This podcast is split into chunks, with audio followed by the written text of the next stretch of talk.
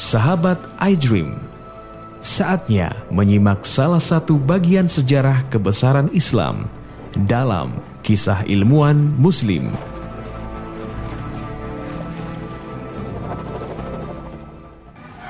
Teman-teman, dunia ini sangatlah menakjubkan jika kita menelusurnya satu persatu, terutama di luar angkasa. Di sana banyak sekali objek yang bisa kita lihat dan kita amati. Contohnya, kita bisa menemukan galaksi, planet-planet, dan objek-objek lainnya. Ilmu astronomi merupakan salah satu cabang ilmu tertua karena kegiatan yang terkait dengan bidang astronomi telah dilakukan sejak zaman Mesir kuno.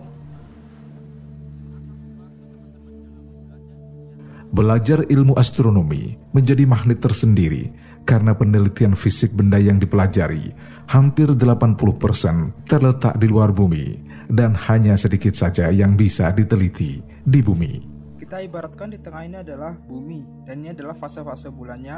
Nah, ini adalah mataharinya. Ini adalah sinar matahari. Jadi, kalau kita lihat bulan fase baru eh, yang disinari yang matahari adalah yang belakang di belakang bulan dan dia jika menghadap bumi maka yang kena dilihat oleh bumi adalah yang arsirannya. Begitu juga yang bulan kuartil awal Pada awal perkembangan ilmu astronomi, para astronom hanya mengamati pergerakan benda-benda langit menggunakan mata. Pengamatan dilakukan di tempat-tempat yang tinggi agar benda-benda angkasa terlihat lebih jelas. Pengamatan tidak begitu akurat karena memerlukan penglihatan yang fokus dan lama. Setelah penemuan teleskop, para astronom kemudian memanfaatkan teleskop sebagai alat untuk melihat pergerakan benda-benda di langit, sehingga pergerakan lintasan langit jauh lebih akurat. Salah satu astronom terkemuka di masa keemasan Islam adalah Thabit Ibnu Quro.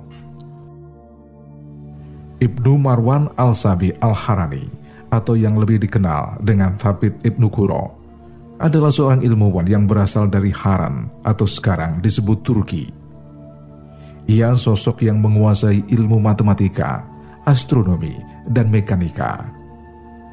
Selain itu, karena keahliannya berbahasa, ia juga telah menerjemahkan sejumlah besar karya-karya dari Yunani ke dalam bahasa Arab.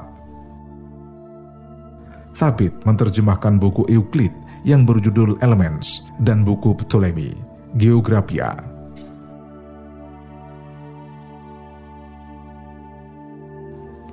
Thabit Ibnu Quro lahir tahun 836 Masehi di dunia barat, ia dikenal dengan nama Tebit. Matematikawan muslim pertama, Muhammad Ibnu Musa Ibnu Sakir, terkesan dengan pengetahuannya tentang bahasa dan menyadari potensi untuk berkarir ilmiah. Maka Sakir memilih Thabit untuk bergabung dengan kelompok ilmiah di Baghdad di bawah perlindungan Khalifah Abbasiyah.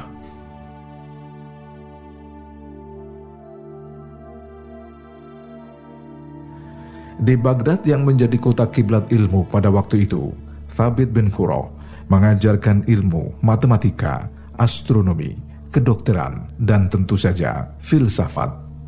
Ia selalu mendapat pujian atas apa yang diajarkan. Thabit lalu dikenal dengan sebutan khusus sebagai dokter, tapi sebagian besar karya dan penemuannya terdapat pula ilmu matematika dan astronomi. Kemampuannya sebagai seorang dokter, astronom, ahli matematika, dan filsuf terdengar oleh Khalifah dinasti Abbasiyah, yakni Al-Mu'tad. Sang Khalifah lalu memanggilnya ke istana dan memintanya tinggal bersama para astronom lainnya. Selama beberapa waktu di istana, Thabit bin Quro menunjukkan kemampuannya dalam berbagai disiplin ilmu pengetahuan, sehingga menambah kecintaan Al-Mu'tad kepadanya. Bahkan, sang khalifah memberinya jabatan yang tinggi. Thabit termasuk di antara salah seorang yang bekerja di teropong milik Khalifah Al-Ma'mud di Baghdad. Di tempat itulah ia kemudian membuat teori kecenderungan persamaan siang dan malam pada musim semi dan musim gugur.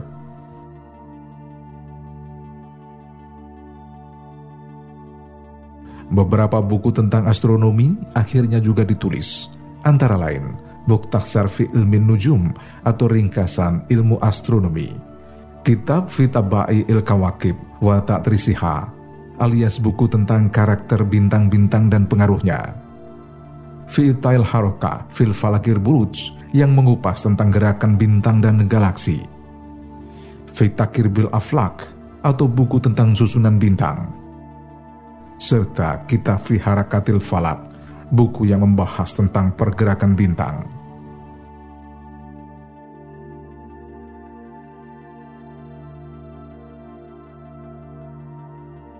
Sabit bin Qurrah adalah ilmuwan yang menjadi pelanjut dan penyempurna karya-karya Al-Kawarizmi.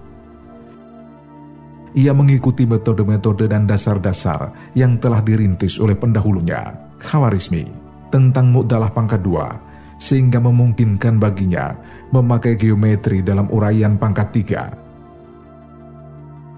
Pada abad ke-16, metode Thabit dilanjutkan oleh seorang sarjana Italia, Gerolamo Cardan dalam menguraikan persamaan pangkat tiga. Dengan tegas ia mengakui Sabit bin Kuro adalah orang yang pertama menciptakan integral kalkulus dan diferensial kalkulus.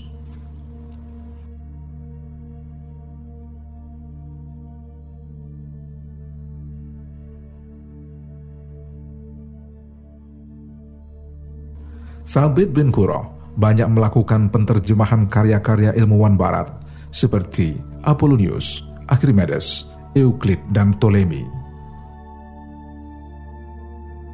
Meski bertugas untuk menerjemahkan karya-karya besar, Thabit bin Qurrah memainkan peran yang sangat penting dalam penemuan hitungan integral, geometri analitik, kalkulus, dalil trigonometri lingkaran, konsep angka-angka real, dan mengusulkan beberapa teori yang mengarah pada pembangunan non-Euclidean geometri.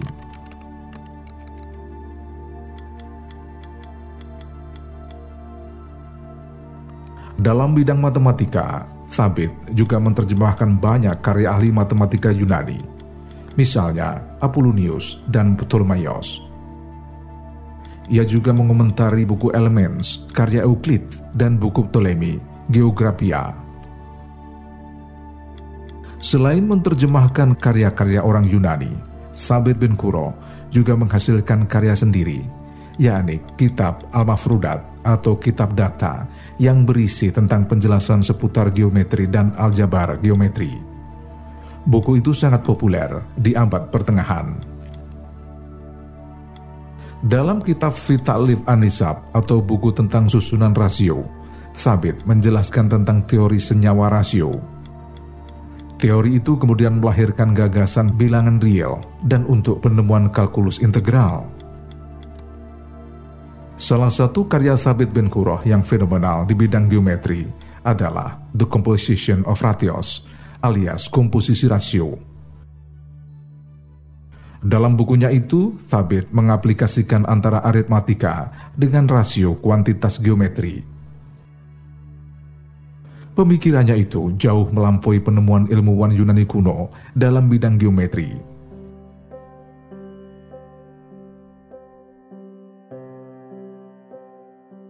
Sebagai ahli astronomi, Sabit bin Kuro mengatakan, gerakan planet-planet mempengaruhi gelombang bumi yang terjadi 26 tahun sekali.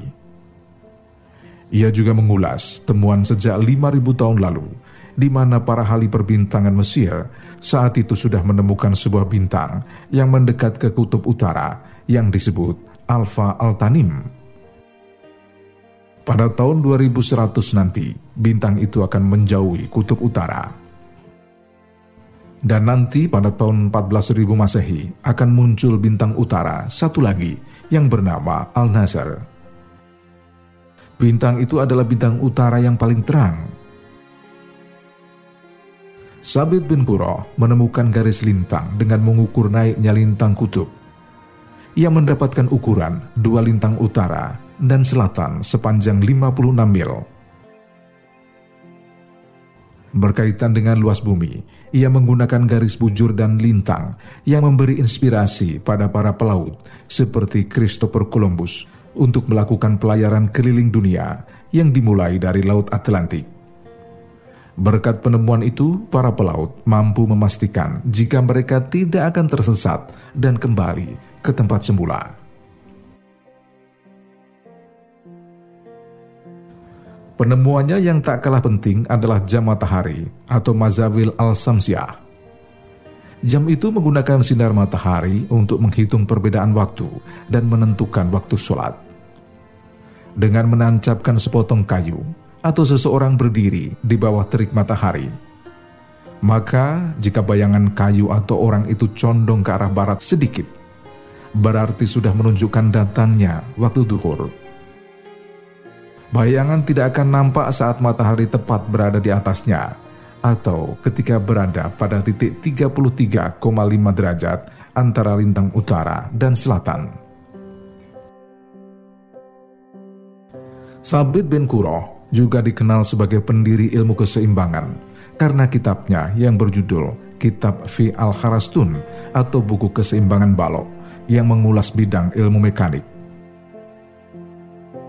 Karya itu telah diterjemahkan ke dalam bahasa Latin oleh Gerard dari Cremona dan menjadi sangat populer di dunia barat. Sabit juga dikenal sebagai penemu ilmu statistik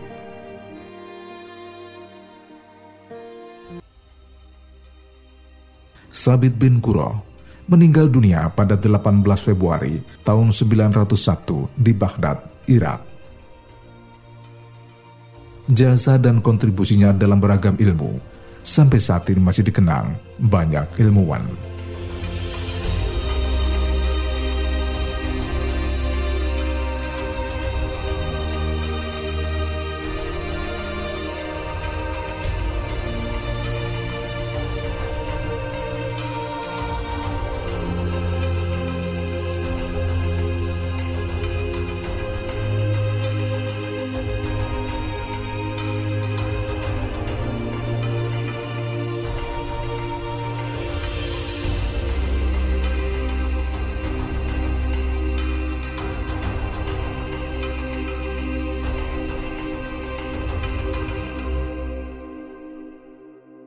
Anda baru saja menyimak kisah ilmuwan Muslim di iDream Radio Successful Muslim Family.